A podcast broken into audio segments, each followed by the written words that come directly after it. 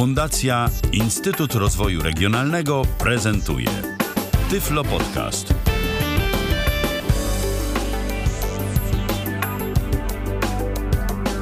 My rozpoczynamy kolejne spotkanie na antenie Tyfloradia. Przypominam, że audycji Tyfloradia możecie słuchać na żywo.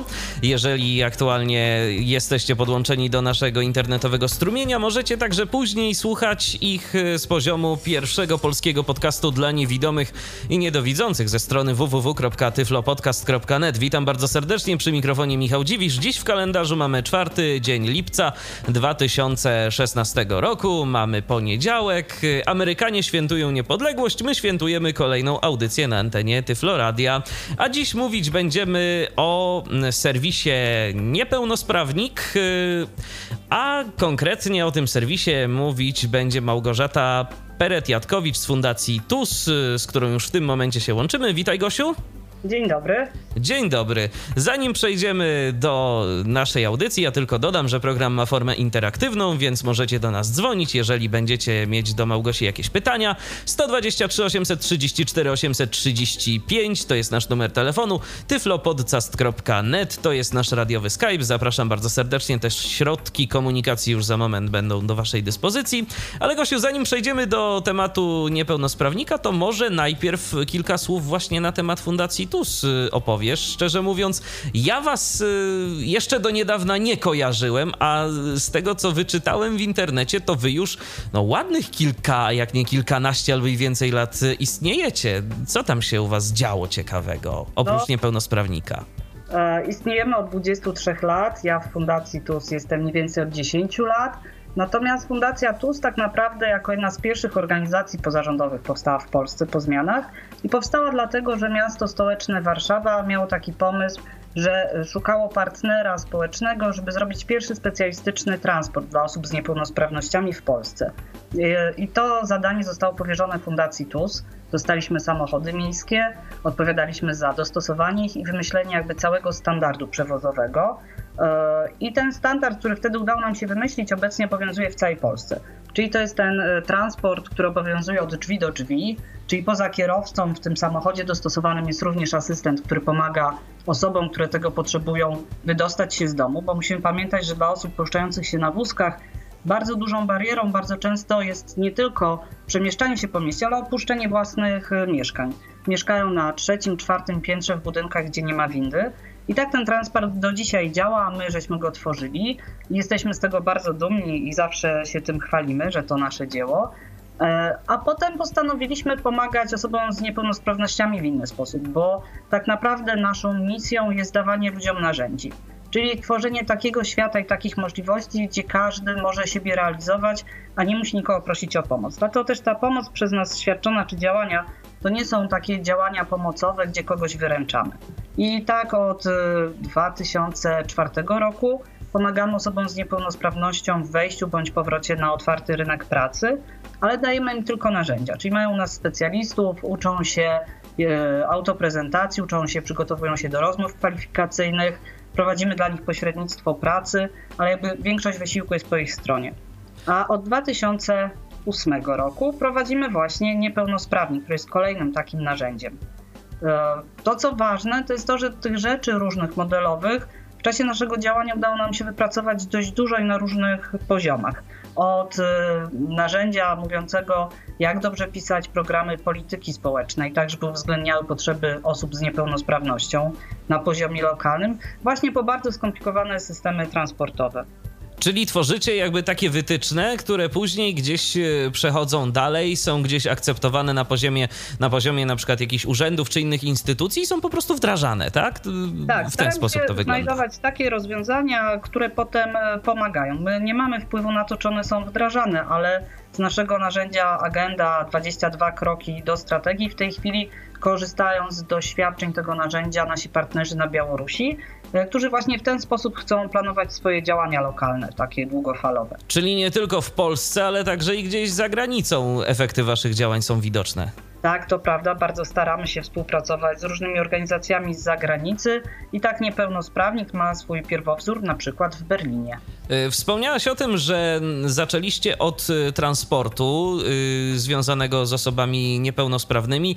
Czy nastawialiście się wtedy na jakąś konkretną grupę osób niepełnosprawnych? No wspomniałaś o osobach z problemami ruchowymi, ale czy z tych wytycznych korzystają, no chociażby mm, albo mogą korzystać z efektów tych wytycznych także na przykład nasi odbiorcy, osoby niewidome, czy to jednak przede wszystkim wózkowicze? My w Warszawie woziliśmy wszystkich, którzy takiej pomocy potrzebowali, e, bo nie mogli korzystać z jakichś przyczyn z transportu publicznego.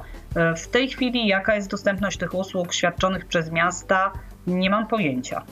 Taka jest prawda, że jakby e, nie wiem na jakie grupy odbiorców nastawione są, ponieważ obecnie to jest rozgrywane przetargami i w Warszawie wiem, że na pewno trzeba być mieszkańcem miasta i osobą z orzeczeniem, żeby móc z transportu korzystać, ale czy są ograniczenia co do rodzaju niepełnosprawności, nie mam zielonego pojęcia. Rozumiem. Y, wspomniałaś o niepełnosprawniku, do którego już y, będziemy powoli, myślę, przechodzić. No chyba, że jeszcze czymś byś się chciała pochwalić poza niepełnosprawnikiem, tak na dobry początek. Coś, no, coś jeszcze? się mnóstwem nagród a to, a to proszę, a, proszę. Projektowanie aktywizacji zawodowej od ministra i e, sam niepełnosprawnik dostał dwie nagrody, bo dostał i e, sektor 3.0 i trzeci sektor, czyli został wyróżniony zarówno za takie działania prospołeczne na terenie Warszawy przez miasto e, stołeczne Warszawa, e, jak również ostatnio dostał bardzo taką ważną dla nas nagrodę za użycie w nim nowych technologii. I o ile ja osobiście na nowych technologiach znam się bardzo mało, to podobno nasz niepełnosprawnik jest naprawdę nieźle w nich obsadzony. No, chociażby i z tego względu, że funkcjonuje w internecie, bo niepełnosprawnik to jest serwis internetowy, więc siłą rzeczy z nowymi technologiami musi mieć bardzo dużo wspólnego. Ale jak mówi mój informatyk, to dopiero teraz e, niepełnosprawnik nie ma długu technologicznego, czyli tak naprawdę korzysta z nowoczesnych technologii, a nie z jakichś e, starych rozwiązań. Rozumiem. Od 2008 roku niepełnosprawnik funkcjonuje. Może najpierw powiedzmy, co to w ogóle jest. Czym jest niepełnosprawnik.pl? Niepełnosprawnik.pl, my go czasem nazywamy wyszukiwarką, czasem przewodnikiem. To jest takie miejsce w sieci, które zaczyna wyglądać coraz bardziej jak Google i mamy nadzieję, że będzie równie skuteczne w poszukiwaniach y, na zapytania. Natomiast to jest takie miejsce, gdzie możemy sobie wpisać jak chcielibyśmy spędzić czas i sprawdzić, jakie miejsca na przykład w Warszawie nam to umożliwią. Czyli jeżeli jesteśmy osobą niedowidzącą i chcemy pójść do restauracji, które będzie, będą występowały udogodnienia dla nas, to w tej wyszukiwarce wpisujemy restauracja Warszawa i zaznaczamy, że interesują nas miejsca z dostosowaniami e, do potrzeb osób niedowidzących i wtedy maszyneria ta pod spodem rusza i dostajemy wynik, propozycję które miejsca są fajne i które warto odwiedzić. I takich miejsc możemy szukać w dowolnej konfiguracji, ponieważ staramy się brać pod uwagę potrzeby osób z niepełnosprawnością ruchową, osób słabowidzących i niewidomych, osób słabo słyszących i głuchych, a także osób mających problemy z przetwarzaniem zbyt skomplikowanych informacji. I chodzimy od miejsca do miejsca i w bazie znajdziemy wszystko. Kościoły, urzędy, sklepy, sex shopy, jakby każde miejsce, z którego każdy z nas potencjalnie może chcieć skorzystać na terenie miasta. Powiedziałaś o tym, że niepełnosprawnik y, bierze pod uwagę także potrzeby osób, które mają problem z przyswajaniem informacji. A czy sam niepełnosprawnik jest napisany takim w miarę prostym językiem? Nie będzie miała osoba, która na przykład no, y, gdzieś tam ma intelektualny jednak problem z obsłużeniem y, tego serwisu, no bo to jednak jest chyba dość takie zaawansowane narzędzie, z którego można to korzystać. Prawda, tak? że niepełnosprawnik zawiera mnóstwo informacji, które mogą być trudne w analizie, ale dlatego też mamy jakby dwa poziomy prezentowania wyników. E, I jeden to jest najzwyklejszy piktogramowy, to jest bardzo prosta informacja graficzna, bardzo intuicyjna, czyli jeżeli, nie wiem, widzimy e, wózek, to wiadomo, że dane miejsce jest dostosowane do potrzeb e, osób poruszających się na wózkach, a jeżeli widzimy ucho, to znaczy, że dla głuchych. I na tym poziomie myślę, że każdy jest w stanie tę informację zrozumieć, ale ponieważ uważamy, że każdy człowiek ma swoje indywidualne potrzeby i że normy budowlane czy normy, które my przyjęliśmy, żeby oceniać dostępność miejsc, nie są uniwersalne dla wszystkich, dlatego też w niepełnosprawniku możemy znaleźć pełen wynik audytu. I tutaj, jeżeli ktoś ma ochotę analizować i zagłębiać się bardziej, to może sprawdzić, czy ta dostępność, na przykład dla osoby na wózku, to oznacza drzwi o szerokości 90 cm, jakie jest minimalne wymaganie, czy może w tym miejscu mamy drzwi w ogóle o szerokości 120 cm. Natomiast y, nie jest to wymagane, jeżeli nie chcemy tego robić. Możemy się zapoznać z tym, na jakiej podstawie piktogramy są przyznawane, ponieważ na niepełnosprawniku ta metodologia przyznawania piktogramów jest y, jawna, każdy może ją przeczytać. Ja osobiście już od dawna posługuję się tylko piktogramami nie potrzebuje pełnego opisu miejsca, żeby wiedzieć, kto się będzie w nim dobrze czuł. No dobrze, piktogramy to są ikony, to są symbole graficzne. A co z osobami niewidomymi, czy też e, słabowidzącymi, które mogą takich ikon nie dostrzegać? E, strona przeszła pełen audyt zgodności z WCAG 2.0 e, z czego zakładam, że nikt absolutnie nie ma problemu w korzystaniu z niej. Czyli, że ta informacja jest w pełni dostępna za pomocą rozwiązań technologicznych, które powodują, że strona po prostu się czyta. No i ja zajrzałem na niepełnosprawniki i muszę powiedzieć, że rzeczywiście nie ma problemu. Z... Wpisa... Wpisałem, yy, wpisałem dane hasło yy, zgodnie z sugestią, na przykład restauracja Warszawa, znalazłem. No i to, yy, to była ta beczka miodu, a teraz będzie łyżka dziegciu. Wpisałem restauracja Iława. Pusto. W moim o. rodzinnym mieście nic nie ma, tak, jak się okazuje. Mhm. Jest tak, że w niepełnosprawniku pojawiają się obiekty z miast, których udaje nam się na to zdobyć dofinansowanie. I... Czyli jakie to są miasta? O, dobra, ja zaraz wytłumaczę. W okay. 2008 roku to była po prostu Warszawa, ale nie cała, tylko Śródmieście. A potem, jak objęliśmy zasięgiem większość Warszawy, to był czas e, euro, 2012 i wtedy UEFA zdecydowała, że ona chciałaby dla swoich niepełnosprawnych kibiców przygotować pewien zestaw informacji i stąd za jej pieniądze pojawiliśmy się we wszystkich miastach gospodarzach. Czyli byliśmy w Gdańsku, Wrocławiu, Poznaniu i Warszawie nadal. E, jeżeli chodzi o miejsca, które udało nam się utrzymać, to utrzymaliśmy się w Warszawie i we Wrocławiu i tam jesteśmy w sposób ciągły. Z Gdańskiem nie udało nam się utrzymać współpracy. Podjęliśmy współpracę w tym roku po raz pierwszy z Toruniem, ale także współpracujemy przy różnych okazjach z różnymi instytucjami. I tak na przykład bank WBK współpracuje przy nas przy certyfikacji swoich placówek. I stąd na przykład, e, jeżeli jedziemy w trasę, to sprawdzamy ich placówki w dużych i bardzo małych miejscowościach. Stąd tych miejscowości w niepełnosprawników w tej chwili jest, myślę, ponad 50 widocznych.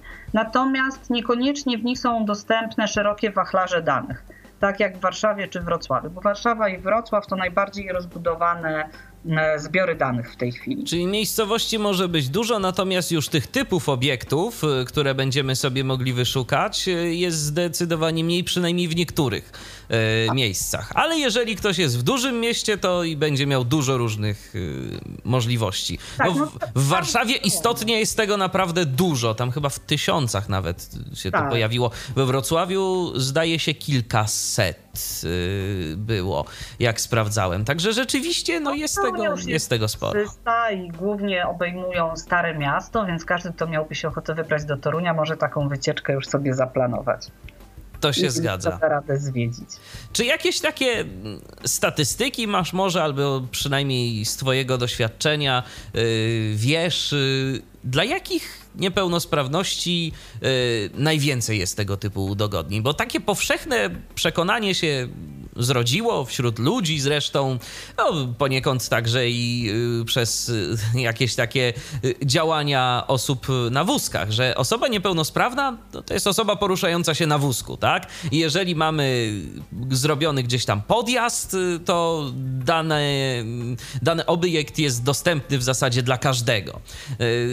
I czy tak rzeczywiście jest, że dla osób z problemami ruchowymi jest najwięcej tych udogodnień, a powiedzmy dla niewidomych jest mniej? Czy jak to wygląda z Twojego doświadczenia i z Twoich obserwacji? Z mojej perspektywy, o ile masz rację, że osoba z niepełnosprawnością natychmiast się kojarzy z osobą na wózku i dzisiaj szkoliłam studentów Politechniki Warszawskiej, Wydziału Architektury i dokładnie taką rozmowę prowadziliśmy, e, kto to jest osoba z niepełnosprawnością. Oczywiście, że pierwsze co się pojawiło w ich skojarzeniach to był wózek. E, to jeżeli spojrzymy na przestrzeń, na nasze regulacje prawne, to rzeczywiście mamy najwięcej zapisów na rzecz tej grupy. Natomiast e, też jakby wszystkim nam się wydaje, że jak jest podjazd, to sprawę mamy rozwiązaną. Okazuje się, że większość podjazdów nie spełnia żadnych norm. Wszystkim nam się wydaje, że jeżeli spotykamy gdzieś toaletę, która jest dedykowana osobom z niepełnosprawnością, to że ona naprawdę jest prawidłowo urządzona. Z mojego doświadczenia wynika, że jedna na 20 takich toalet spełnia jakiekolwiek wymogi. I muszę powiedzieć, że mm, ponieważ my ostatnio korzystając z garściami z niepełnosprawnika, ale dokładając do niego dzięki Fundacji Wismajor i Polskiemu Związkowi Głuchych oddział w Łodzi szereg dodatkowych kryteriów dotyczących osób niewidomych i niedowidzących, osób głuchych i niedosłyszących, badaliśmy inwestycje finansowane z pieniędzy unijnych. I wyniki, które otrzymaliśmy po tych audytach, przeraziły nas samych. Właściwie liczba placówek dostosowanych do potrzeb którejkolwiek z tych grup była znikoma. Nie mówiąc o tym, że placówek, które były dostosowane do wszystkich, udało nam się znaleźć dosłownie kilka. A sprawdzaliśmy najróżniejsze inwestycje, czyli od dużego hotelu po, nie wiem, salę multimedialną w małej szkole. E, I że to jest bardzo taki smutny dla mnie wniosek, że wszystkim nam się wydaje, że dla kogoś jest coś robione, ale potem się okazuje, że to wszystko nie trzyma norm i tak naprawdę spełnia trochę mm, taką funkcję zasłony dymnej. E, I myślę, że przy Woskowiczach jakby najłatwiej jest nam zauważyć te elementy, które powinny działać na ich korzyść, ale nie potrafimy ocenić, czy one są prawidłowe. Więc ja chyba nie mogę się z tą tezą zgodzić, e, bo wydaje mi się, że niedostosowanie dla wszystkich grup nadal jest bardzo duże. Ale z czego to wynika, Twoim zdaniem? Czy to jest tak, że po prostu jest niechęć y, osób odpowiedzialnych za y, tego typu obiekty, czy chęć jest, ale wiedzy brakuje? Jak to jest? No ja od, y, od początku właściwie funkcjonowania niepełnosprawnika współpracuję z Wydziałem Architektury i mamy od nich studentów co roku. E, więc ja dość dobrze wiem, jak się kształci przyszłych architektów i przynajmniej w Warszawie oni mają czterogodzinny wykład na temat projektowania uniwersalnego, czyli tego, jak projektować rzeczy dla wszystkich. A dodatkowo mają taki warsztat, na którym mogą zobaczyć, jak to jest być na wózku albo nie widzieć. I to jest cała ich edukacja w tym zakresie. Tak? I on, ta grupa, która przychodzi do mnie spędza ze mną te 40 godzin na pomiarach, to są ludzie, którzy potem inaczej patrzą na świat. Ale oni wcześniej nie wiedzą nie dlatego, że nie chcą wiedzieć oni, jakby nikt im tego nie pokazuje, nikt ich na to nie uczula. Potem bardzo trudno oczekiwać, że oni będą projektować coś z myślą o wszystkich potencjalnych użytkownikach. Oni bardziej myślą o tym, żeby to było ładne, żeby to było trwałe, żeby spełniało jakieś normy, ale jeżeli im się tłumaczy, dlaczego na przykład uchwyt powinien być składany po obu stronach muszli klozetowej, to dla nich jest to absolutnie odkrywcze. No i też chyba wymagania y, zlecen zleceniodawców są też y, takie, że no ma to przede wszystkim ładnie wyglądać. A, no i jeszcze jak tam by się dało, to, to, to żeby było to dostępne dla osób niepełnosprawnych, tak? Ale z drugiej strony y, prawodawstwo polskie kładzie dość wyraźne wymogi i najbardziej smutne jest to, że nawet te wymogi nie są spełniane, a ktoś te budynki odbiera. Jak ja szkoliłam inżynierów takich właśnie od odbioru, to oni mi mówią, że to, co oni odbierają, to jest super. I że to zawsze spełnia wymogi, a to niemożliwe, bo liczba nowych budynków, które ja znam i które nie spełniają tych wymogów, jest olbrzymia. Czyli ktoś pozwala na to, żeby te normy były gdzieś niechcący omijane, bo ja nie wierzę w celowość. Ja rozumiem, że na inne elementy zwraca się większą uwagę, co jakby jest z niekorzyścią właściwie dla wszystkich potem użytkowników, bo jeżeli weźmiemy pod uwagę konwencję o prawach osób e, z niepełnosprawnością, jej definicję osoby niepełnosprawnej, e, to tak naprawdę niepełnosprawność powstaje na styku człowieka i barier w jego otoczeniu. E, I w tej konwencji to e, każdy z nas jest niepełnosprawny w jakimś stopniu. Nie, nie ma osób tak zwanych w pełni sprawnych, bo wszyscy mamy w jakichś sytuacjach problemy. I dlatego trzeba projektować tak, żebyśmy się wszyscy tam dawali radę jakoś czuć. Jesteśmy społeczeństwem starzejącym się, a wydłużające się życie oznacza to, że gorzej widzimy, gorzej słyszymy i niżej podnosimy stopy. Więc jakby to wszystko, co budujemy teraz, za jakiś czas dla nas samych będzie pułapką. To się wszystko zgadza i też zaczniemy y, coraz więcej starzejąc się korzystać z nowoczesnych technologii. I tak szczerze mówiąc, ja w tym gdzieś upatruję też to, że jeszcze parę, paręnaście, no góra parę dziesiąt lat i ci wszyscy odpowiedzialni za projektowanie także czy urządzeń elektronicznych y, i podobnych rzeczy, czy chociażby dostępności, czy stron internetowych, bo no, dostępności o, za chwilę. Też 40 stron za unijne pieniądze chyba zrobionych zaudytowaliśmy i żadna nie spełniała minimalnego standardu WCAG. No właśnie, a być może za te ileś tam lat osoby odpowiedzialne za tego typu rzeczy same zauważą, że no kurczę, coś mi tu się jednak już stary jestem, stara jestem, nie bardzo y, jestem w stanie z tego korzystać, a to kiedyś było dobre, tak? No i tylko, tylko to dopiero, no sam ktoś musi poczuć, y, że rzeczywiście ma z tym problem, chyba żeby rzeczywiście tak do tego bardziej empatycznie podejść. No ale dobrze, y, mamy bazę niepełnosprawnika, która zawiera sporą liczbę różnego rodzaju obiektów. Kto może zgłosić dany obiekt do niepełnosprawnika? Czy to jest tak, że ja powiedzmy mam jakąś instytucję, no nie wiem, restaurację i restauracja moim zdaniem jest dostępna. No to ja zgłaszam i wy zamieszczacie na stronie informację, ta restauracja jest dostępna, czy jakoś to weryfikujecie? A zgłosić można próbować. I tak jak w Warszawie staramy się na takie zgłoszenia reagować. I nieważne, czy zgłosi osoba korzystająca, czy właściciel, i teraz na przykład jedno z warszawskich muzeów do nas napisało, czy oni by się mogli znaleźć w niepełnosprawniku i co w związku z tym mają zrobić. E, żeby się znaleźć w naszej wyszukiwarce, trzeba przejść nasz audyt, przeprowadzony naszą metodologią.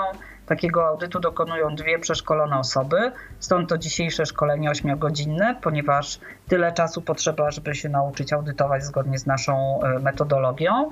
E, idziemy w takie miejsce, przeprowadzamy pełen audyt, następnie te dane są sprawdzane pod kątem spójności, czyli tak naprawdę sprawdzamy, czy robota audytoru została wykonana prawidłowo. Są wprowadzane do wyszukiwarki, jeszcze raz do bazy, jeszcze raz kontrolowane i dopiero trafiają do użytkowników końcowych, czyli zaczynają być widoczne w wyszukiwarce. Co oznacza, że nie jesteśmy w stanie przyjść w każde miejsce. Czyli jeżeli mi z Iławy zgłosisz teraz jakąś fajną knajpę, to ja nic nie będę w stanie zrobić. Chyba, że będę w ramach wakacji w Iławie i podejdę tam i przeprowadzę pełen audyt. I tak też się zdarza, że jeżeli jakaś instytucja spoza y, miast, gdzie prowadzimy działania, prosi nas o audyt, to dogadujemy się jakoś, chociażby jeżeli chodzi o pokrycie kosztów naszej pracy i staramy się takie audyty robić. Y, w tej chwili będziemy pomagać na przykład Europejskiemu Centrum Solidarności w Gdańsku y, w poprawieniu jeszcze bardziej ich dostępności dla osób z różnymi rodzajami niepełnosprawności, choć już wiemy, że to nie będzie e, zupełny ideał, ponieważ oni też mają swoje ograniczenia związane z prawami autorskimi, finansowaniem i szeregiem różnych innych rzeczy. Także zgłaszać można, natomiast bez weryfikacji z naszej strony, bo e, często taka instytucja, na przykład to muzeum mówi, ale u nas audyt już był. Nawet cudownie, ale nie nasz. I w związku z tym nie jestem w stanie ocenić, na ile są Państwo dostępni. Więc e, gdybym mogła przyjść, ja mówię, oczywiście, to zapraszamy w dowolnym terminie, dogadujemy się i tak w przyszłym tygodniu będę ich audytować i myślę, że e, w ciągu dwóch tygodni będzie można ich oglądać w bazie. Ale jeżeli audytu nie ma, to nie ma opcji, żeby taki obiekt się pojawił w niepełnosprawniku.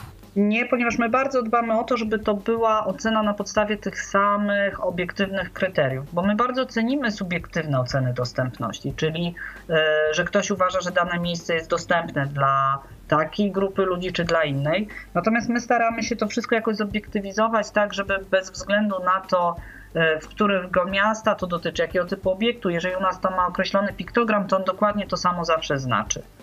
Rozumiem. Więc y, jakie są miasta, w których y, w tym momencie y, dodawane są na ten moment informacje o obiektach tak na bieżąco? Warszawa, Wrocław? I Toruń I się Toruń. pojawił, tak, z 300 obiektami i będziemy do Torunia pewnie wracali w przyszłym roku, ponieważ ta współpraca z Urzędem Miasta ułożyła się bardzo dobrze i mamy nadzieję, że będzie kontynuowana. Ale tak naprawdę szukamy y, takich punktów zaczepienia w bardzo wielu miejscowościach w Polsce.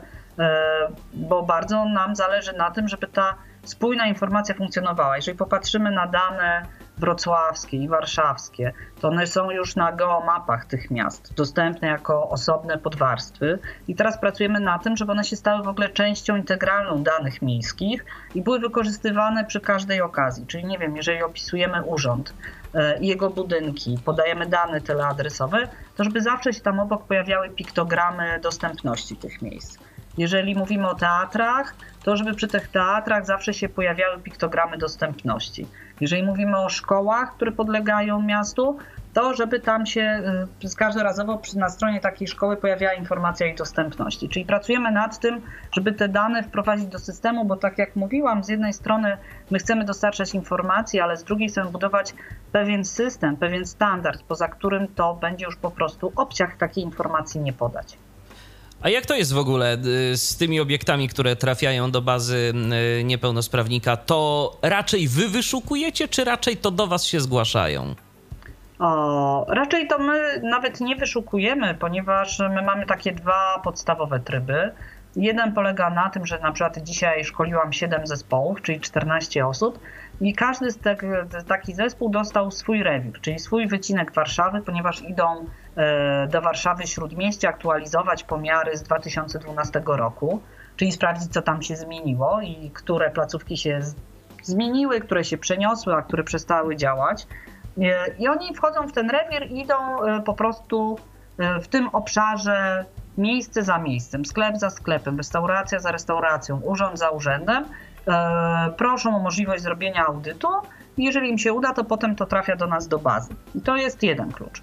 Drugi klucz jest taki, że jeżeli na przykład miasto Warszawa e, obchodziło rok Chopinowski w związku z tym miało ochotę dość dużo informacji na temat Chopina i miejsc dla niego ważnych e, przygotowywać dla turystów czy dla, dla warszawiaków, to wtedy miasto do nas dzwoni i mówią, kochani, czy moglibyście nam zrobić to, to, tamto i tamto. My sprawdzaliśmy już w niepełnosprawniku i te pięć placówek macie, które są ważne z naszego punktu widzenia, ale brakuje tam jeszcze czterech. Czy bylibyście tak mili, byście je dla nas zrobili? I oczywiście, jeżeli mamy na to środki i możliwości, to my takie prośby spełniamy. Dokładnie tak samo jest we Wrocławiu czy w Toruniu. E, więc to są takie dwa kanały wyboru, chociaż w momencie, kiedy pracowaliśmy dla UEFA, to uznaliśmy, że będziemy szukać głównie takich obiektów istotnych z punktu widzenia turysty. Czyli we wszystkich miastach gospodarzach wtedy szukaliśmy hoteli, a także restauracji, knajp, barów i miejsc rozrywki w niedalekiej odległości od stadionów i od stref kibica, bo wydawało nam się, że to będzie najbardziej istotne e, dla osób, które przyjadą na mecze. To ja teraz proponuję Małgosiu, żeby powiedzieć kilka słów na temat waszej metodologii, bo wspomniałaś o tym, że ona jest y, wszędzie taka sama, że wszystkie obiekty, które znajdują się w bazie niepełnosprawnika y, są badane w ten sam sposób. Y, skąd się ta wasza metodologia w ogóle wzięła? Na podstawie czego została ona stworzona? Co obejmuje? Jak ona działa? Okej. Okay. Metodologia przyszła do nas częściowo z Berlina wraz z pomysłem to nasi niemieccy partnerzy potem, czyli Mobilat.net, e, e, robiony przez Albatrosa, szukał takiej możliwości rozpowszechniania swojej metodologii zbierania danych, ponieważ oni mieli taki pomysł, który nam się bardzo podoba, że te dane zawsze powinny być zbierane tak samo, że trochę nieważne, czy sprawdzam dostępność miejsc w Berlinie czy w Warszawie, to te piktogramy powinny mieć mniej więcej to samo znaczenie. E, I oni z tym pomysłem przyszli do Warszawy i początkowo pracowaliśmy na ich bazie, więc musieliśmy korzystać jakby z ich założeń, z ich norm. E, natomiast to było na tyle ciekawe, że Berlin wypracował swoją metodologię w taki sposób, że tam kiedyś osoby poruszające się na wózkach zwiedzały miasto i dzielnie zapisywały swoje notatki. I powstał wielki księgozbiór notatek mówiących, co jest dostępne, co nie, który był niedostępny dla nikogo, bo nawet sami zainteresowani nie byli w stanie już tam nic znaleźć. I wtedy jakby miasto Berlin powiedziało, że ono wejdzie w taką współpracę e, przy internetowej bazie i wyszukiwarce, ale w zamian sobie życzy, żeby ta metodologia zbierania danych była stała i żeby obejmowała potrzeby różnych grup. No i wtedy w Berlinie trwały długie negocjacje między grupami e, osób z różną niepełnosprawnością, jakie to cechy powinny być brane pod uwagę. I to, co oni wtedy wypracowali, to był nasz punkt startowy. No myśmy w Polsce prowadzili takie konsultacje z przedstawicielami najróżniejszych grup i staraliśmy się dopasować tą metodologię do polskich realiów i wymogów, e, ale też trochę do oczekiwań użytkowników końcowych, e, tak żeby oni znajdowali taką informację, która dla nich jest ważna. I w ten sposób ta nasza metodologia jakby się domknęła. Zresztą ona żyje. To nie A jest czy te polskie realia, polska metodologia y, różni się czymś od niemieckiej i dlaczego się właściwie różni? No wydawać by się mogło, że no osoba niepełnosprawna to osoba niepełnosprawna, niewidomy w Polsce to niczego, niczym w zasadzie od niewidomego w Niemczech czy Wózkowicz czy od Wózkowicza się nie będzie różnił. Jakie są takie regionalne y, różnice? E, to są takie wynikające na przykład z prawa budowlanego. E, jest tak, że Niemcy uznali, że taka bariera, po której się uważa, że istnieje próg wysokości, to jest 3 cm. Natomiast w Polsce osoby z niepełnosprawnością uważają, że to powinno być 2 cm, tak jak jest w polskim prawodawstwie, ponieważ 3 cm to za duża bariera dla ludzi na wózkach. Tak? I to są tego typu różnice. Nie wiem, w Berlinie się uważa, że każdy stopień powinien być skontrastowany, a w Polsce mamy regulację, która mówi, że to wystarczy, jak to będzie pierwszy i ostatni stopień e, w biegu, w ciągu schodów. I to są różnice tego typu, plus my niepełnosprawnych zaczęliśmy rozbudowywać pod kątem innych grup użytkowników, bo e, my chcemy się poruszać w takim nurcie, który się nazywa projektowanie uniwersalne, czyli tak naprawdę my wiemy, że wiele udogodnień, nie wiem, dla osób poruszających się na wózkach działa również dla osób przemieszczających się z małymi dziećmi w wózkach. Więc dla nich na przykład dodatkowo zaczęliśmy zbierać informacje o tym, gdzie są parkingi rodzinne, ale też o tym, gdzie są e, miejsca, gdzie można przewinąć dziecko. E, bo dzięki informacji, którą już mamy o pochylniach, o szerokościach drzwi, dość łatwo możemy powiedzieć, które miejsca są dla nich dostępne. I to też nas na pewno od berlińskiej, tej początkowej metodologii różni, bo w którą stronę oni poszli rozwojowo nie wiem, natomiast wiem, że nadal jak patrzę na ich piktogramy i te znaczenia podstawowe tych piktogramów, to tak naprawdę czytając ich wyszukiwarkę czy naszą, ta wiedza jest dość podobna. Czyli jeżeli tam znajdę, że coś jest dostępne, to znaczy, że sobie poradzę. I dokładnie tak samo jest z polską wyszukiwarką. Jak tu znajdę informację, że sobie poradzę, to sobie poradzę, tak? Czyli Więc... to są bardziej takie niuanse, niuanse prawne, tak? Które gdzieś tam w ustawach no, zostały. To są takie różnice, które no, jakby dla samych osób z niepełnosprawnością są istotne. Bo mówię, to, to czy 2 czy 3 centymetry, to nie mi decydować i jeżeli w Polsce przyjęto i też uważa się, że 3 centymetry to jest po prostu za dużo, e, to ja z tym nie dyskutuję, tylko dostosowuję się do no tego, tak. jak postrzegamy tą rzeczywistość. Natomiast też wiem, ponieważ współpracuję z Białorusią e, i bywam tam i oglądam ich dostosowanie, że jakby przyłożenie naszych kryteriów do ich realiów spowodowałoby, że nic nie byłoby dostępne dla nikogo, mimo że oni tam normalnie funkcjonują i uważają, że duża część ich świata jest dostosowana. Rozumiem. E, no więc wróćmy do e, kwestii tych metodologii. Zaczerpnęliście od e, Niemców, przystosowaliście do przepisów polskich i jakie elementy wchodzą w jej skład? Jakie udogodnienia dla jakich grup osób z jakimi niepełnosprawnościami badacie? Mm, to, ja powiem tak bardzo ogólnie z jakimiś przykładami. Więc po pierwsze zbieramy te informacje, które zbiera każdy, kto e, jakkolwiek kolekcjonuje obiekty, budynki, miejsca, czyli zbieramy dane teleadresowe i dane kontaktowe, a potem zajmujemy się takimi cechami, które my nazywamy cechy szczególne, czyli gdzie tak naprawdę sprawdzamy, e, czy mamy do czynienia z odmienną fakturą na przykład i kolorystyką, które działają jako system nawigacji. E, dla osób, które to potrzebują i nie zakładamy, że to musi być celowo przygotowany system, ponieważ w hotelach często jest tak, że e, dobrze rozłożony dywan, e, dobrze skontrastowany z podłogą, świetnie jako taki system nawigacji na korytarzu działa, mimo że wcale nie po to został tam położony. Sprawdzamy tam również, czy mamy kontrasty w tej sekcji takich zbierania danych na drzwiach szklanych. E, czy mamy skontrastowane schody w danym miejscu. I tych takich informacji, które nazywamy danymi e, szczególnymi, zbieramy około 30-40 cech tam jest ocenianych. One są oceniane, czy są spełnione, czy nie. Potem sprawdzamy, jak wygląda sytuacja z możliwością parkowania w okolicy, a następnie zajmujemy się już samym miejscem, czyli sprawdzamy tą strefę wejścia, sprawdzamy, jakie tam są parametry zachowane, czy mamy to samo wejście główne dla wszystkich, czy mamy wejście główne i wejście dostosowane e, gdzieś w odrębnym miejscu. I każde z tych wejść opisujemy. Dokładnie oglądamy windę, jeżeli ona jest tylko w budynku, czy ona spełni oczekiwania różnych grup użytkowników. E, I moja ulubiona część jest zwłaszcza w biurowcach albo biurach bardzo poważnych, ponieważ zgodnie z naszą metodologią trzeba zawsze nacisnąć przycisk alarmu w windzie, żeby zobaczyć, czy dostanie się optyczne i e, dźwiękowe potwierdzenie tego, że został on wciśnięty. E, więc bardzo lubię zamieszanie, które wywołujemy czasem w centrach handlowych, używając alarmu w windzie. Następną taką przestrzenią, którą wnikliwie oglądamy, to są toalety. I myślę, że to jest najtrudniejsza część naszej pracy, zwłaszcza w tych miejscach, gdzie te toalety są e, często używane przez klientów. I sprawdzamy zarówno toalety ogólne, jak te toalety dedykowane, z tym, że te toalety dedykowane już bardzo szczegółowo mierzymy i sprawdzamy, jakie kryteria, znaczy e, jakie wymiary mają poszczególne ich elementy. Chociaż przyznaję się, że nie sprawdzamy tego, czy lustro jest uchylne, czy nie. Bardziej się koncentrujemy na tym, czy w ogóle z tej toalety da się skorzystać, a, y, a nie nad jej funkcjonalnością. Y, potem sprawdzamy, czy są jakieś pomieszczenia, jeżeli tak, to je opisujemy, bo jeżeli wchodzimy do szkoły, to w takiej szkole mamy szatnię, mamy stołówkę, mamy salę lekcyjną, ale mamy też sekretariat czy gabinet dyrektora i sprawdzamy, jak każde z tych pomieszczeń jest dostosowane do potrzeb różnych grup. Potem sprawdzamy, czy są pomieszczenia właśnie dla osób zajmującymi się dziećmi, gdzie takiego dzieciaka można nakarmić bądź przewinąć. A potem opisujemy transport, czyli opisujemy najbliżej położone przystanki komunikacji miejskiej.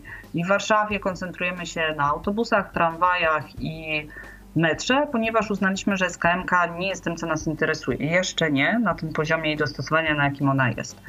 I teraz, jeżeli jesteśmy w hotelu, to oczywiście nie zabraknie nas również w pokoju hotelowym który dokładnie zmierzymy łącznie z jego sanitariatem i sprawdzimy, jak to się będzie w nim czuł. Jeżeli w takim miejscu jest basen, to sprawdzimy basen. Jeżeli jest siłownia, to sprawdzimy rozwiązania na siłowni.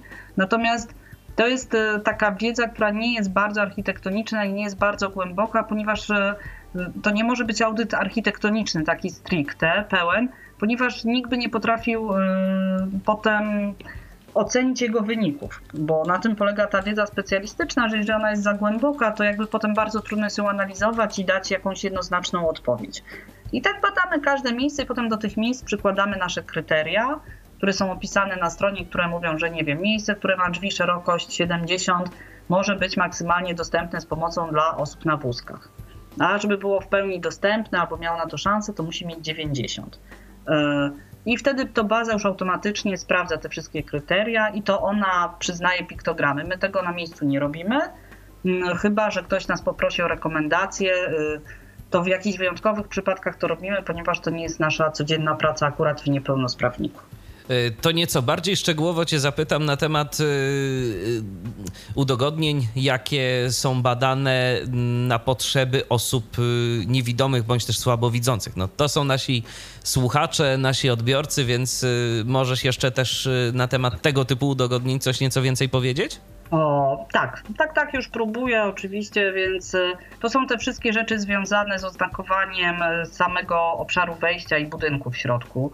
Czyli tak naprawdę sprawdzamy skontrastowanie drzwi, skontrastowanie schodów, czy jest informacja dźwiękowa w środku dotycząca różnych rzeczy, czy mamy też do czynienia tylko z napisami.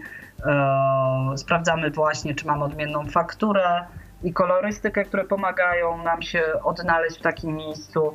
Sprawdzamy, czy można wejść z psem asystującym, nie tylko z psem przewodnikiem, ale myślę, że dla osób niewidomych jest to bardzo cenna informacja, bo o ile wiemy, że da się z takim psem wejść wszędzie zgodnie z prawem, bądź prawie wszędzie poza miejscami kultu religijnego, to że w praktyce bardzo często osoby niewidome spotykają się z tym, że z psem wejść nie mogą. W jaki no. sposób to weryfikujecie z ciekawości? Bierzecie psiaka, czy pytacie tylko, czy ja można, czy nie? Nie pytam i muszę ci powiedzieć, że ludzie nie mają, nie mają żadnego problemu, żeby nam powiedzieć, że nie. Ja kiedyś myślałam, że ludzie się będą krępować albo krygować. Ja mówię, nie, to, to my mamy specyficzną działalność, drogie kanapy, żaden pies tu nie wejdzie. Jakby w ogóle nie mają problemu, oni moim zdaniem nawet nie wiedzą, że łamią prawo. Całkiem być może. A zdarzało się na przykład tak, y, że ktoś y, powiedział, że tak, owszem, można, nie ma problemu, a później y, dostaliście gdzieś tam informację zwrotną, że ktoś próbował, ale jednak odmówiono mu nie, wejścia? to w tą stronę żadnej sytuacji nie słyszeliśmy. Częściej do mnie docierają informacje, że miejsca, które mamy oznaczone, że nie można wejść z psem, to jednak się udało. Aha. Bez problemów. E, I że w tą stronę. Natomiast tych miejsc, które deklarują niemożność wejścia z psem, z mojego punktu widzenia jest zaskakująco dużo.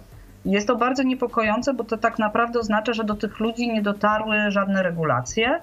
Chociaż w coraz większej ilości miejsc słyszę mniej więcej taki komentarz. Z psem, przewodnikiem, nie ma problemu, nas każdy czworonóg jest mile widziany. Tak? Czyli, że jakby też następuje zmiana i na przykład w bankach nie ma problemu, jeżeli ktoś chce przyjść z psem i nie musi być to pies pracujący. E, w związku z czym też jakby ta taka szczególność i e, oznakowanie takie negatywne osób, które korzystają z psa, przestaje istnieć, ponieważ e, to przestaje być rozróżnik, rozróżnik, jakaś cecha szczególna, co mi osobiście bardzo się podoba. Wolę świat, w którym każdy z psem może wejść w różne miejsca. No tak, zwłaszcza jeżeli pies jest y, łagodny i nikomu krzywdy nie zrobi, no a wiadomo, że wszelkie y, psy przewodniki no, są specjalnie szkolone, tak, żeby, żeby tak na pewno było. Mhm, no to ja też zawsze mówię, że no taki pies to jest w ogóle najmniejszy problem i że prawdopodobnie jest to najzdrowsza istota na sali, na przykład restauracyjnej. Jak ktoś mówi, że to niehigieniczne czy coś tam, że to bardzo jest ciekawe, bo człowiek z gruźlicą może przyjść i nic na to nie można zrobić, a e, właściwie pies, który ma badania regularnie robione jest nagle jakimś problemem. Natomiast to jest kolejna rzecz, z której ludzie sobie nie zdają sprawy.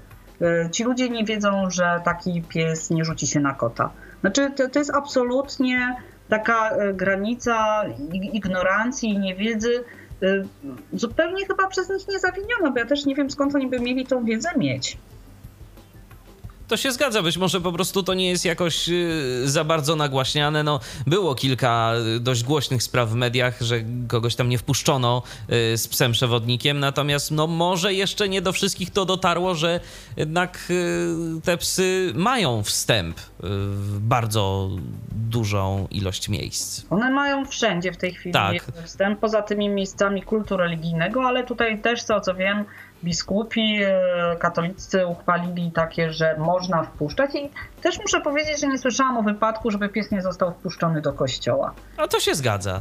Ja też jakoś nie słyszałem. Może to nie jest w ustawie uwzględnione, bo jest pozostawione w gestii księży, ale absolutnie o takim przypadku nie słyszałam. Czy jeszcze coś badacie, tak a propos już y, konkretnie osób y, niewidomych bądź też słabowidzących? Już kombinuję.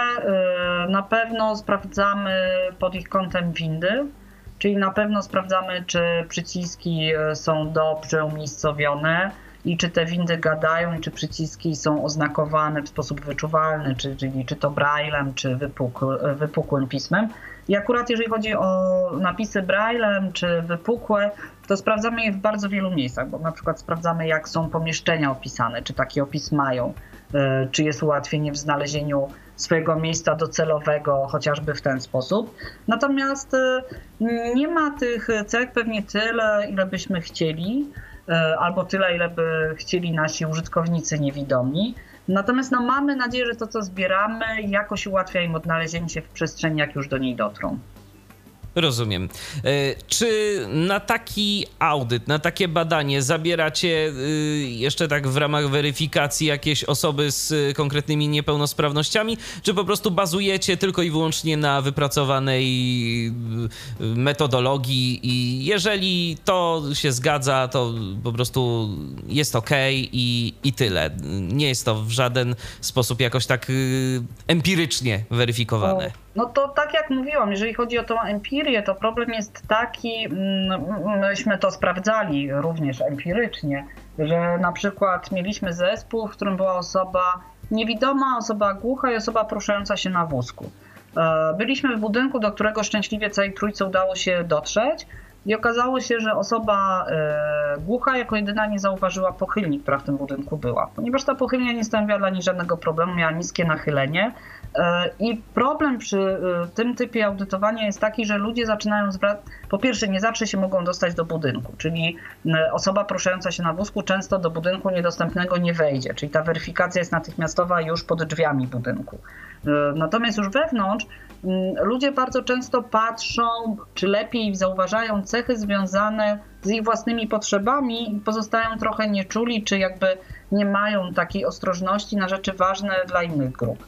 I no właśnie... i też może, być, też może być jeszcze w drugą stronę, że y, różne osoby y, z różnym stopniem niepełnosprawności y, w różny sposób reagują. Na przykład dla jednego niewidomego coś może być problemem, a inny niewidomy, który ma na przykład zdecydowanie lepszą orientację, to dla niego jakaś tam cecha nie będzie problematyczna i nawet tego nie zauważy, że może to być problem. Ja to na przykład bardzo dobrze obserwuję Y, w kwestii audytowania dostępności stron internetowych i jak przykładam sobie miarkę WCAG do powiedzmy moich umiejętności korzystania z komputera, to czasami zastanawiam się w zasadzie po co oni tam wypisują takie rzeczy w WCAG, przecież no y, ja sobie bez tego też bym poradził. No tak, tylko później przychodzi taka refleksja, okay, ja bym sobie poradził, y, inni mogą sobie z tym nie poradzić. I to jest dokładnie to i też ja muszę powiedzieć, że ponieważ niepełnosprawnik od lat tworzony jest jednak w głównej mierze za pomocą wolontariuszy. Czyli po pierwsze, to od początku naszego istnienia wolontariusze idą w miasto i robią pomiary. I tak w Warszawie mamy jeden zespół e, zatrudniony do pomiarów w jakimś niewielkim zakresie godzinowym, a teraz studenci Politechniki będą główną siłą napędową i tym, co będzie powodowało, że nasze dane będą aktualne. Mamy również wolontariusza, czym ja się bardzo chwalę, bo się bardzo cieszę. Od roku współpracuje z nami informatyk, który robi to zupełnie za darmo, który stworzył tą wyszukiwarkę, która zdobyła nagrodę. Czyli tak naprawdę to on dla nas zdobył nagrodę, bo on zaprzągł e, dla nas te wszystkie nowe technologie. To dzięki niemu ta wyszukiwarka teraz jest dostępna w pełni dla osób niedowidzących i niewidomych, bo nie będę oszukiwać, że poprzednia wersja wyszukiwarki tak dobrze spełniała jakiekolwiek wymogi. E, dla tych grup dostępności samej wyszukiwarki. W tej chwili to nie jest żaden problem i mogę z dumą z Wami rozmawiać, z Tobą i się chwalić z tym, że z tej wyszukiwarki może korzystać każdy e, i nie ma już z tym żadnego problemu. E, I oczywiście te, ci wolontariusze, są, którzy są koło nas, to są ludzie, którzy potem zmieniają świat. Czyli jeżeli ja pracuję ze studentami Politechniki, to mam takie duże poczucie, że wychowuje pewną grupę, która jeżeli zostanie w zawodzie, to będzie miała pewną wrażliwość. To jest niesamowite. Dzisiaj na szkole miałam człowieka, który w życiu nie miał styczności z osobami z niepełnosprawnością yy, i nie miał żadnego wyobrażenia o tym, co tam się dzieje. Ja on po 8 godzinach powiedział: Kurczę, wszystko się zmieniło. Ja w ogóle nie miałem świadomości, że to tak działa. I że to jest to, no, co z mojego punktu widzenia jest bardzo istotne, czyli to takie szerzenie wiedzy o tym, że może być inaczej, jakie rzeczy są ważne, bo ten człowiek skończy studia z pewną wrażliwością, taką, jaką mu się uda wypracować samodzielnie. I tak jak dzisiaj do mnie przyszedł, to był człowiek, który tej wrażliwości czy świadomości nie miał. Więc to jest super sprawa, czyli ta praca z otoczeniem. Również jak idziemy na audyty, to widać, jak tym ludziom nagle ruszają tryby w małym sklepiku osiedlowym. Czy do mnie ktoś niepełnosprawny przychodzi? Jak on sobie u mnie radzi. No bo ja to wiem, ja to go odpytam, zapakuję mu, dam, ale jak on się z tym czuje, bo nagle się okazuje, że nie tylko dla tej jednej osoby, tylko dla jakichś ludzi z zewnątrz to jest ważne, czy on się u mnie dobrze czuje i czy samodzielnie zrobi zakupy. A pojawiają się takie komentarze, ale jacy niepełnosprawni, do mnie żadni niepełnosprawni nie przychodzą. Ależ oczywiście to jest głównie w miejscach, y, które boją się źle wypaść. Y, I to jest fascynujące, ile miejsc, y, ilu właścicieli mimo że nie ma takiej troski o to, żeby ich miejsce było dostępne, to jak się do nich przychodzi, to oni się strasznie wstydzą, że nie są dostępni. Oni się bardzo wstydzą tego, co będzie na końcu i oni pytają, czy jak u nich będzie bardzo źle, to czy oni mogą do wyszukiwarki nie trafić. Bo oni by nie chcieli tam być, jeśli są niedostępni, ale trzeba pamiętać, że niepełnosprawni to wyszukiwarka miejsc dostępnych. My często rezygnujemy z pomiaru już po pierwszych oględzinach miejsca i nawet nie pytamy o zgodę i nie próbujemy go przeprowadzić, bo y, dość szybko można zidentyfikować miejsca, które są niedostępne właściwie dla nikogo. I do takich miejsc po prostu staramy się nie wchodzić, chyba że jest to komisariat policji. Y, to wtedy staramy się go zmierzyć, bo jak dzieje się nam coś złego, to idziemy na najbliższy komisariat i za bardzo się nie zastanawiamy. I warto wtedy wiedzieć, co nas tam czeka. A jeżeli chodzi o sklep spożywczy, to jeżeli jakiś jest bardzo zły, no to zawsze możemy pójść trzy przecznice dalej. No dobrze, ale co to znaczy bardzo zły, mniej zły, dobry albo bardzo dobry? Jakie obiekty trafiają do niepełnosprawnika? Y, no bo wiadomo, że tak jak powiedziałaś już y, na początku naszej dzisiejszej rozmowy, miejsc dostępnych dla każdego jest bardzo, bardzo niewiele. Więc gdybyście chcieli opisywać tylko miejsca super dostępne, to w zasadzie nie mielibyście czego opisywać. To prawda, że bardzo niewiele by się u nas pojawiło, ale takie miejsce, do którego my wchodzimy, któremu dajemy szansę albo o którym chcemy mówić, to jest miejsce, do którego wejdą przedstawiciele wszystkich interesujących nas grup. Czyli to jest miejsce, które nie ma miliona schodów na wejściu, nie ma źle urządzonego wejścia, nie ma wielkiej szklanej tafli bez żadnego kontrastu, czyli te takie bardzo podstawowe cechy, które powodują, że jesteśmy w stanie do danego miejsca wejść. Jeżeli e, nasi audytorzy uznają, że do takiej placówki są w stanie wejść przedstawiciele wszystkich grup, którymi się zajmujemy, to dopiero wtedy się podejmują audytu. Bo czymś innym jest niemożność wejścia do miejsca, a czymś innym niemożność e, swobodnego funkcjonowania w nim. Bo tak jak mówię, komisariat jest przykładem miejsca, gdzie kluczowe jest to, żebyśmy się do niego przynajmniej dostali. I e, już ten oficer może z nami rozmawiać, w kantorku, a nie zabierać nas gdzieś dalej. Natomiast e, jest wiele komisariatów, do których po prostu się nie dostaniemy. E, mamy pałac ślubów w Warszawie z wielkimi schodami, ten najbardziej znany, z którego już nie wszyscy mogą skorzystać, który zmierzyliśmy, bo jest pewną wizytówką dla mieszkańców miasta, ale zdajemy sobie sprawę z tego, że to nie jest dostępne miejsce. Wspomniałaś o komisariatach, czy jeszcze jakieś typy obiektów oprócz y, komisariatów y, badacie w nieco inny sposób albo przykładacie do nich nieco inną miarę niż do reszty? Czy na przykład każdy typ y, jest badany w różny sposób, czy, czy te komisariaty to jest taki jedyny wyjątek? Znaczy one są badane już potem finalnie tak samo jak wszystkie inne miejsca. Natomiast są takie miejsca kluczowe, do których wchodzimy nie robiąc tej pierwszej selekcji. Na pewno takimi są komisariaty, takimi są E, ostre dyżury przyszpitalne. Tak? Jeżeli mierzymy, to robimy. I są takie miejsca wizytówki, czyli nie wiem, e, Pałac Kultury w Warszawie. On nie jest w pełni dostępny, ale wydaje nam się, że musimy go zmierzyć na tyle, na ile to jest możliwe, ponieważ jest to miejsce, do którego potencjalnie ludzie mogą mieć ochotę pójść, bo bardzo dużo się tam dzieje. Tak? Czy Muzeum Narodowe. Jakby e, wtedy ta ocena tej dostępności jest trochę mniej ważna ale czasami współpracujemy na przykład ze Stadionem Narodowym w Warszawie po to, żeby spowodować, żeby on był bardziej dostępny i to, to jest w ogóle dla mnie Stadion Narodowy takim przykładem pewnej bezmyślności naszej, ponieważ wydano wielkie pieniądze budując go i on jest w pełni dostosowany pod jednym, jedynym warunkiem, a mianowicie, że działa parking podziemny. Bo tylko z parkingu podziemnego można dostać się do windy.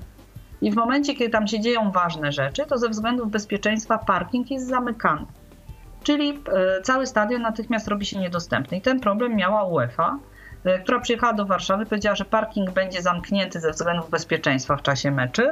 E, no i co oni teraz mają zrobić, żeby osoby na wózkach czy z innymi problemami mobilności dostały się na swoje miejsca, które przecież były specjalne, losowane, tańsze i w ogóle.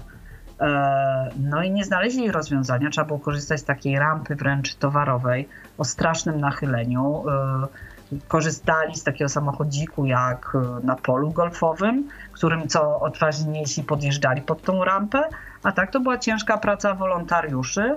E, natomiast no, to jest taki przykład miejsca, które jak ja zmierzę e, zgodnie ze swoimi kryteriami, to ono jest maksymalnie dostępne. Ale wystarczy jeden mały gest, jedna mała decyzja i ono przestaje być dostępne.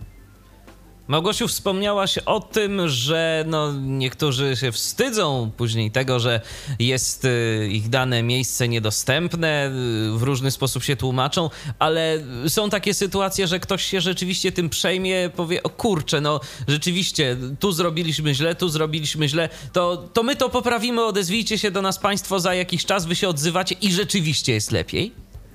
My wracamy do różnych miejsc co dwa lata i ja mam wrażenie, że w ogóle jest coraz lepiej, że ja nie chciałabym zostać w takim nurcie narzekania i mówienia jakieś źle, bo jak ja się śmieję, to jeszcze nie za moich czasów, bo 20 lat temu właśnie, e, został zrobiony taki przewodnik po miejscach dostępnych w Warszawie. Tam pomysł tego przewodnika był taki, że w każdej dzielnicy wybrano jakieś kluczowe obiekty i to był bank, poczta, przychodnia, e, szkoła i przeprowadzono audyty tych miejsc. E, to było strasznie smutne doświadczenie, ponieważ powstał doskonały przewodnik po miejscach niedostępnych dla nikogo. E, tam udało się znaleźć ze trzy placówki dostępne. Teraz jest inaczej. Może nie każda jest dostępna dla wszystkich, ale w większości znajdziemy jakieś rozwiązania, które mają spowodować, że ludzie sobie w nich poradzą. Bo nawet jeżeli to jest budynek zabytkowy, to właściciele kombinują na tyle, na ile mogą i na ile im wrażliwość pozwala. Ja mam wrażenie, że to się zmienia i że to się zmienia na korzyść. Najbardziej lubię takie miejsca, co na przykład dwa lata temu przychodziliśmy, ten człowiek mówił, nie, nie, do mnie żadni niepełnosprawni nie przychodzą, to nie ma sensu, idźcie stąd.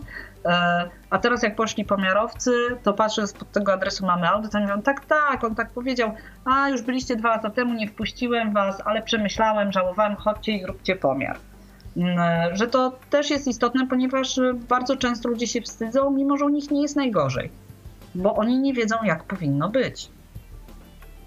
A jakieś działania takie prowadzicie y, również y, uświadamiające ludziom, jak powinno być? Czy, czy wy tylko sprawdzacie, ewentualnie gdzieś tam, jeżeli ktoś zapyta, jak powinno być, to, to coś tam podpowiecie, ale, ale generalnie y, nie zajmujecie się takimi, taką działalnością świadomościową? Co na poziomie niepełnosprawnika się nim nie zajmujemy. W ramach współpracy z różnymi instytucjami prowadzimy doradztwo, które również mówi, jak poprawić to, co już jest.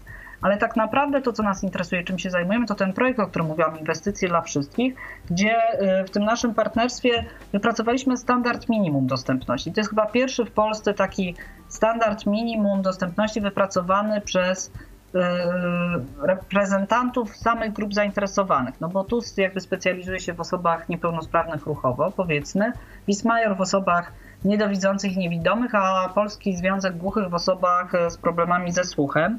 E, udało nam się taki standard stworzyć i usiłujemy go trochę podpiąć i promować, tak żeby przynajmniej inwestycje unijne musiały na nim bazować. Czyli żeby każdy, kto ma coś ochotę za pieniądze unijne budować, musiał sprawdzić. To jest bardzo prosty standard. To jest, tam jest dokładnie sprawdź, jaką masz szerokość drzwi. Jeśli mają 90, jest ok. Sprawdź, czy masz skontrastowania. Zobacz, czy nie zostawiłeś nigdzie ostrych krawędzi na tej wysokości, e, gdzie laska nie działa. E, I że to są, e, i tam są dokładnie te wysokości podane, żeby to było takie, że każdy człowiek może sprawdzić, nie tylko architekt. I to, co nas interesuje bardziej, to są tego typu działania, czyli działania odgórne, i tworzące jakiś e, ogólny standard, ponieważ takiej siły, mocy czy wielkości, żeby prowadzić te działania na skalę miasta, czyli chodzić od miejsca do miejsca, to my tak naprawdę nie mamy.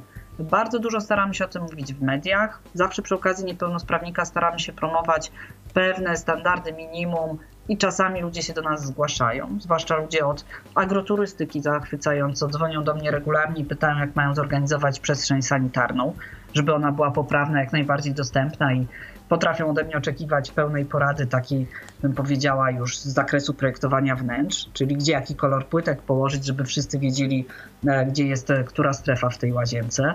Mm, więc e, ja mam wrażenie, że to się zmienia. Natomiast no my bezpośrednio, tak codzienną pracą, to przykładamy się głównie tym, że się pojawiamy i ludzie nagle muszą nad tym zacząć myśleć. Okej, okay, to wracając jeszcze do audytów, y, o których y, mówiliśmy.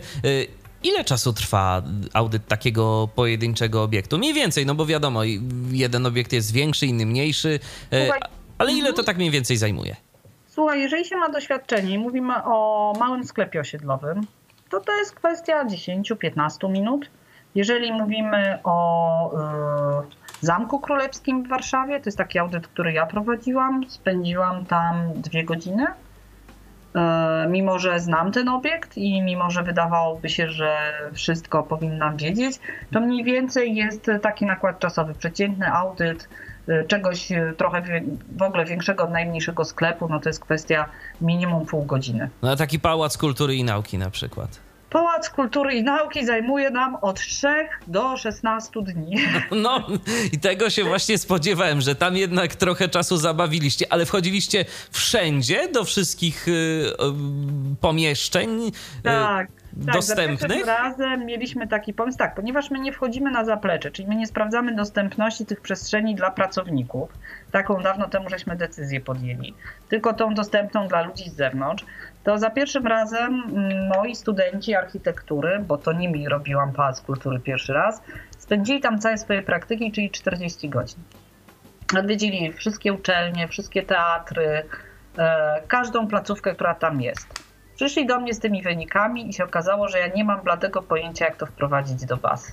Znaczy, że absolutnie sposób, w który zebrali dane, bardzo poprawnie te dane zebrali, e, ale założenie wyjściowe e, spowodowało, że ja nie byłam w stanie tego zrobić. I wtedy wpadliśmy na to, że mamy obiekt nadrzędny w bazie i obiekt podrzędny, czyli najpierw sprawdza się cały Pałac Kultury i te jego części wspólne, czyli toalety, schody, windy, korytarze i e, inne tego typu elementy, a potem dopiero poszczególne placówki. Co oznaczało, że moi biedni studenci wrócili do tego Pałacu Kultury i spędzili tam kolejne 40 godzin, w ten sposób go opisując, i wtedy on dał radę zmieścić się jakby w formule w ogóle wyszukiwarki, bo jak mówimy o Pałacu Kultury, to jest to po prostu olbrzymi obiekt, w którym nie tyle sam pomiar jest trudny, co sposób takiego przemyślenia sposobu zbierania danych, który pozwoli udostępnić te dane potem innym ludziom, tak żeby one coś im dawały. Rozumiem. Wspomniałaś o tym, że co dwa lata te dane są weryfikowane. Czy to się tyczy każdego obiektu, który jest w bazie, że powiedzmy coś jest wprowadzone do bazy niepełnosprawnika, gdzieś tam zapala się informacja dla was jako administratorów tej bazy, no minęły dwa lata, trzeba sprawdzić. Jedziecie wszędzie, czy to jest tak, że no, w tych miastach, gdzie aktualnie najczęściej działacie, czyli mm, Warszawa, Wrocław, Toruń, tak, to, to, mhm. to jest szansa, że to zostanie zweryfikowane, ale na przykład, że mogą się pojawić takie obiekty, których no przez kilka tam lat nie zweryfikujecie, bo zwyczajnie nie ma na to albo czasu, albo środków. No to prawda, tak jak mówiłam, śródmieście warszawskie y, teraz idzie do aktualizacji i to są pomiary y, głównie z 2012 roku.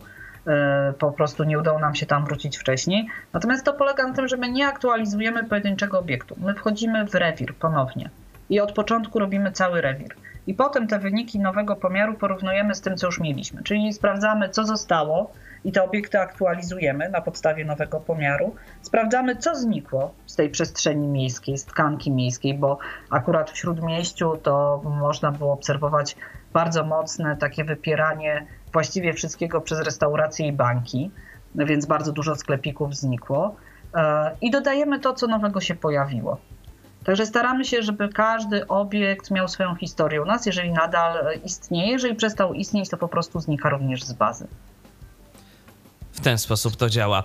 Y, a jak jest z wykorzystywaniem tych y, danych, które są w niepełnosprawniku, w jakichś innych serwisach czy instytucjach? Czy ktoś z tego korzysta tak y, systemowo na zewnątrz, czy raczej to jest wasza baza, którą wypracowaliście i ona jest dostępna tylko z niepełnosprawnika i, i tego nie udostępniacie nigdzie dalej? My bardzo chętnie dzielimy się tymi danymi z każdym, kto ma ochotę je udostępniać dalej darmowo. Czyli jeżeli pisze do nas panorama firm, która potem komercyjnie sprzedaje dane, y, to niekoniecznie te dane od nas dostanie, ale prowadzimy współpracę z miastami i tak jak mówiłam, na ich geomapach te nasze dane są dostępne. E, i każdy może je tam oglądać. Na pewno każda instytucja, zachęcamy ją, żeby podpięła sobie wynik audytu naszego, poinformowała o nim i dlatego jeżeli kogoś upubliczniamy w bazie, to on automatycznie dostaje informację, hej, bardzo się cieszymy, że się u nas znalazłeś, jakbyś miał ochotę się tym pochwalić, e, to tu masz przygotowany fragment kodu, wklej go w swoją stronę. E, więc to jest kolejna... Sporo osób się chwali, tak z ciekawości macie jakieś dane odnośnie tego? Czy, e, Wiesz czy wiele ja osób się chwali? Wiem tylko po, tym, po źródłach wejść, więc mhm. tu mam na pewno i takim moim ulubionym miejscem, źródłem wejść był fryzjer na Gocławiu, e, który nas musiał u siebie na stronie pokazać, bo przez niego mieliśmy regularne wejścia. Ale też czasami przez to, że ludzie do nas po prostu piszą i mówią, że bardzo się cieszą. E, I tak jak porównam, jak to było tam w 2008 roku, kiedy ja tych ludzi ręcznie starałam się informować, zawsze jeżeli tylko był mail, a teraz e, to te reakcje są szybsze. Jeżeli chodzi o takie miejsca jak muzea, teatry, kina, to one bardzo chętnie się nami chwalą, e, ponieważ e, to są takie miejsca, które rozumieją swoją funkcję jako takiego miejsca dla wszystkich. Tak mi się wydaje, że jeżeli chodzi o prywatne różne firmy, to są jakieś bardzo specyficzne miejsca, które mają ochotę się nami chwalić i nas poinformować o tym, że się nami chwalą. A jak można Wam pomóc, jeżeli słuchają nas y, jacyś zwykli użytkownicy, niekoniecznie instytucjonalni, czy, czy potrzebujecie jakiegoś wsparcia, w jaki sposób y, można niepełnosprawnik gdzieś tam wesprzeć? No nie mówię, że koniecznie finansowo, ale jakąś tam pomocą, jakąś swoją działalnością. No to tak jak mówiłam, niepełnosprawnik głównie wolontariatem stoi, więc jakby e, oczekiwania finansowe to są jakieś ostatnie, które mi się włączają w głowie. Na pewno mamy dużo pracy dla programistów. Gdyby ktoś miał ochotę się z nami w to włączyć, nasz wolontariusz powoli kończy z nami współpracę, obiecał, że będzie z nami rok, jest z nami dłużej, ale przygotował na przykład listę wyzwań, co powinno być zrobione następnego w niepełnosprawniku i czym mogliby się zająć następni zainteresowani. Na pewno szukamy ludzi, którzy mieliby ochotę robić pomiary. Na pewno szukamy ludzi, którzy chcieliby te pomiary wprowadzać do bazy, ale na pewno też bardzo ważne dla nas jest opiniowanie, tak? czyli zwracanie się do nas taką informacją, jak się z tej naszej bazy korzysta, z tej wyszukiwarki, czego jej brakuje, czego ma za dużo, czyli takie testowanie też z mojego punktu widzenia e, jest czymś bardzo fajnym, czyli jeżeli się dostaje feedback, e, ponieważ to dla nas jest ważne. Znaczy my często zbieramy różne uwagi przypadkowo, e, a nie jakby instytucjonalnie, więc bardzo chętnie takie uwagi bym zebrała.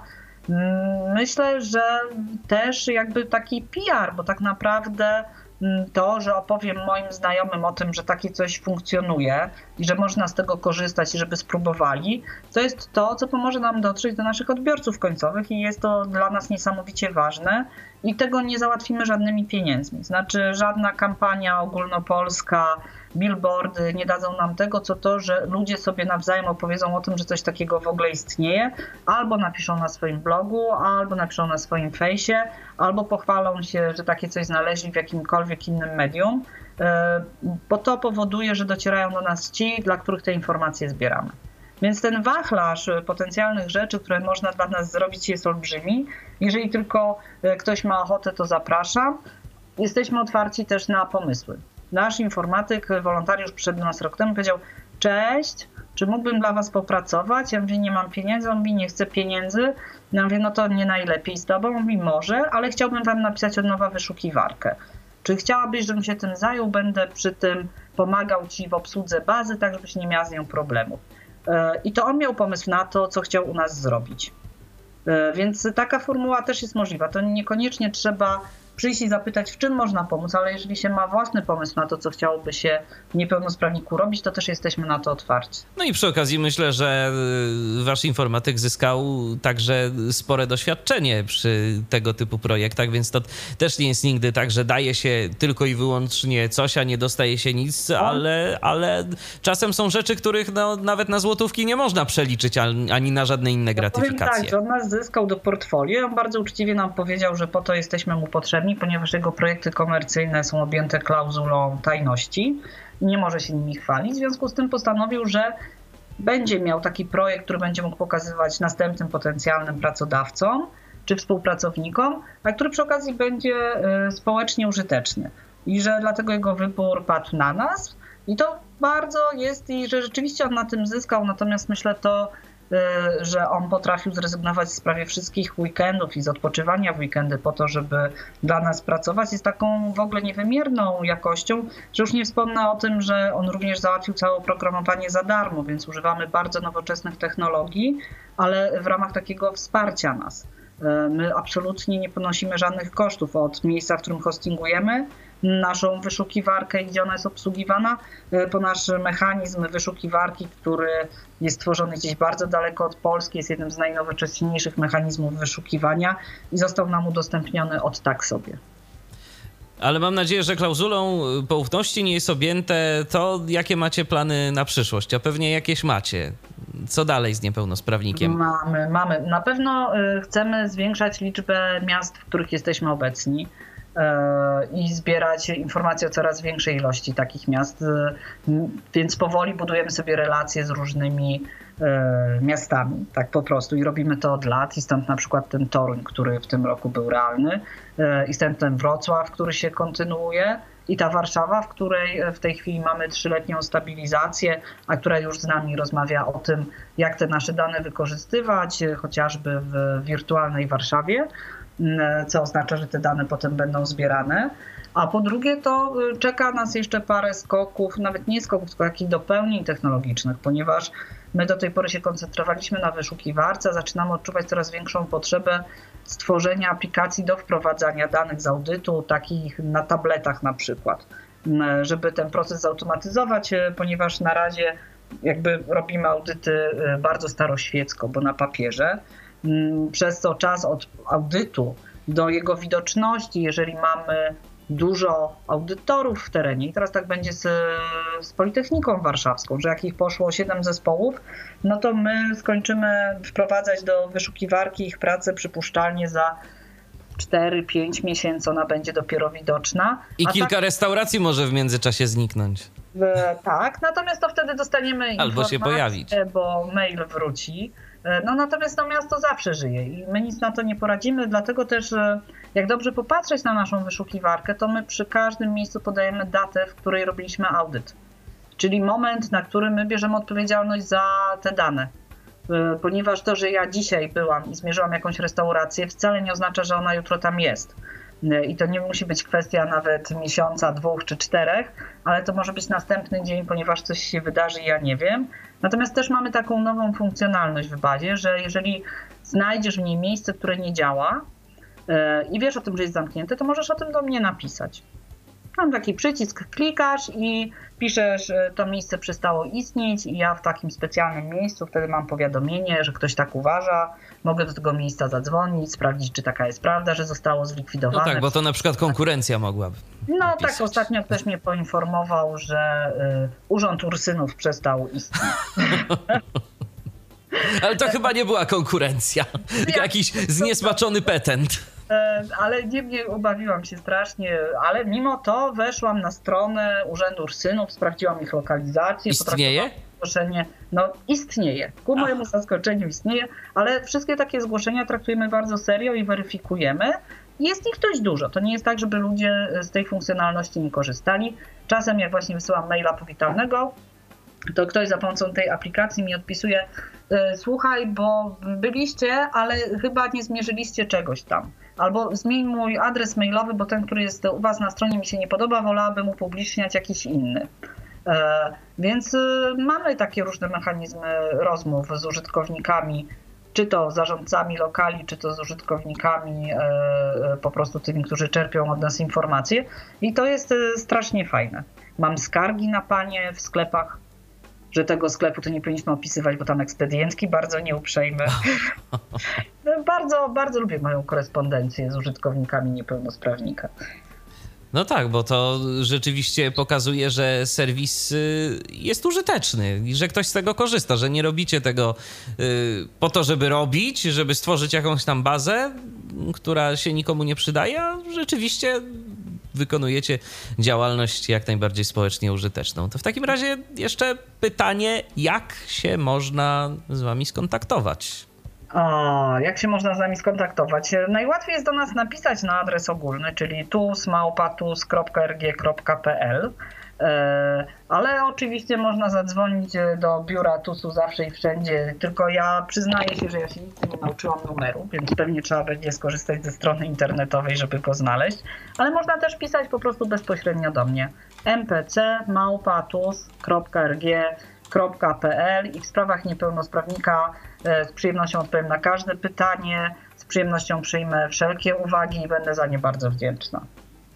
A zatem, jeżeli ktoś miałby ochotę się skontaktować w sprawie niepełnosprawnika z Małgosią, to dane podaliśmy. Zapraszamy bardzo serdecznie. Tak, jeżeli ktoś y, albo chciałby pomóc, albo po prostu y, jakimiś swoimi uwagami się podzielić, być może z naszych słuchaczy jeszcze y, z punktu widzenia użytkowników, czytników ekranów.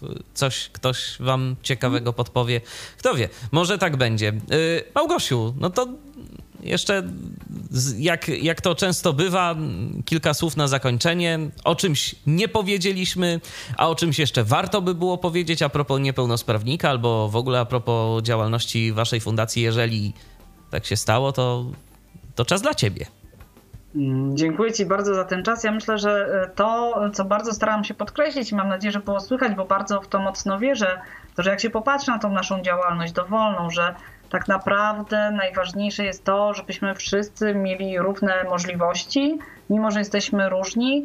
I myślę, że taką rzeczą, którą my robimy, e, i która może nie jest tak widoczna na zewnątrz, to jest to, że my współpracujemy z organizacjami, e, które przeciwdziałają dyskryminacji z bardzo wielu powodów i staramy się razem zmieniać prawodawstwo i polską rzeczywistość, ponieważ trochę nieważny jest, e, co ja myślę. Jest niewątpliwie prawdą, że sam proces dyskryminacji, e, bez względu na to, jakiej grupy dotyka, ma te same mechanizmy pod spodem, ma te same emocje i że tak naprawdę ten świat będzie nam się łatwiej zmieniać, jeżeli będziemy mówili wspólnym głosem, tam gdzie to jest to tylko możliwe. I stąd nasza działalność na bardzo wielu takich obszarach, czyli e, i współorganizujemy Kongres Osób z Niepełnosprawnościami, e, drugi w tym roku w Warszawie się będzie odbywał, na który już serdecznie zapraszam. W ramach jego przygotowań były konwenty regionalne, one chyba się już skończyły, ja byłam na warszawskim, było to niesamowite przeżycie, e, zupełnie inne spotkanie niż większość tych, na których bywamy i na których czcigodni eksperci dzielą się z nami swoją wiedzą, ponieważ tam jakby cała przestrzeń została oddana osobom z niepełnosprawnościami, które same mówiły o sobie. E, to jest właśnie ta współpraca z różnymi organizacjami mniejszościowymi, gdzie działamy na rzecz chociażby zmiany ustawy wprowadzającej pewne rozwiązania unijne, e, w związku z którą na przykład osoby z niepełnosprawnością nie są chronione przed dyskryminacją w edukacji, czego my się domagamy. Inni nas w tym wspierają, a my ich wspieramy w ich żądaniach. A dzisiaj się odbywała w parlamencie z naszym współudziałem taka debata o mowie nienawiści motywowanej między innymi niepełnosprawnością, która też nam się wydaje takim czymś, e, o czym jeszcze w środowisku się bardzo mało mówi, jest bardzo mało rozpoznane, ale co najprawdopodobniej dotyka osób z niepełnosprawnością i warto, żeby o tym mówić i podkreślać, że takie rzeczy spotykają najróżniejszych ludzi z najróżniejszych przyczyn i że nie ma nic wstydliwego w tym, że zaczynamy o tym mówić i domagać się szacunku e, dla najróżniejszych ludzi, w tym osób z niepełnosprawnościami. Myślę, że to jest takie działanie, które ja w TUSie sobie bardzo cenię, czyli takie bardzo konsolidacyjne i szukające wspólnych rozwiązań, a nie takie powodujące, że się odcinamy i że mówimy o naszej no, o pewnej grupie ludzi w takim zupełnym oderwaniu od pozostałych grup w społeczeństwie. Więc to jest na pewno takie coś, co ja tu się bardzo lubię i bardzo sobie cenię. Czyli, że staramy się budować mosty między różnymi ludźmi zamiast murów. No co racja, to racja. Kwestie związane z mową nienawiści, albo jak to się ładnie po polsku mówi, hejtem, to dotykają nie tylko osób y, z niepełnosprawnościami, ale także osób w pełni sprawnych, bo teraz wystarczy wejść na jakiekolwiek forum pierwsze internetowe, czy przejrzeć sobie y, chociażby niekiedy i własną oś na Facebooku i można się natknąć na różne niesympatyczne wypowiedzi mowa nienawiści jest y, jakby ścigana, tak? Że nie, nie, nie każda przesłanka jest wystarczająca, żeby prawnie y, była karana i to jest to, co chcemy zmienić, tak? Chcemy dosłać, dodać nam do ustawy tą przesłankę niepełnosprawności na przykład.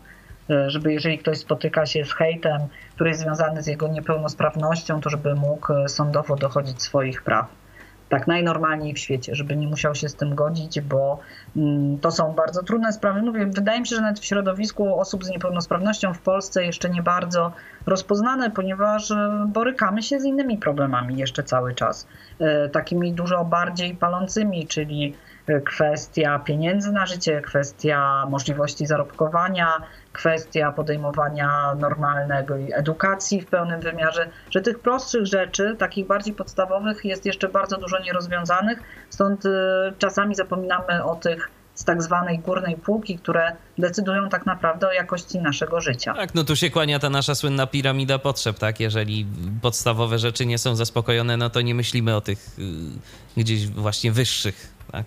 Hmm. No, no, ale tego jest, ale tego jest sporo, sporo jest do zrobienia, także życzę y, wam, żebyście działali prężnie, żeby się niepełnosprawnik e, rozwijał, no i żeby pozostałe wasze działania również y, okazały się mm, z pożytkiem dla nas wszystkich. Pięknie Ci dziękuję, chociaż my tu w środku życzymy sobie, żeby kiedyś nadszedł taki dzień, kiedy nasze działania już nikomu nie będą potrzebne.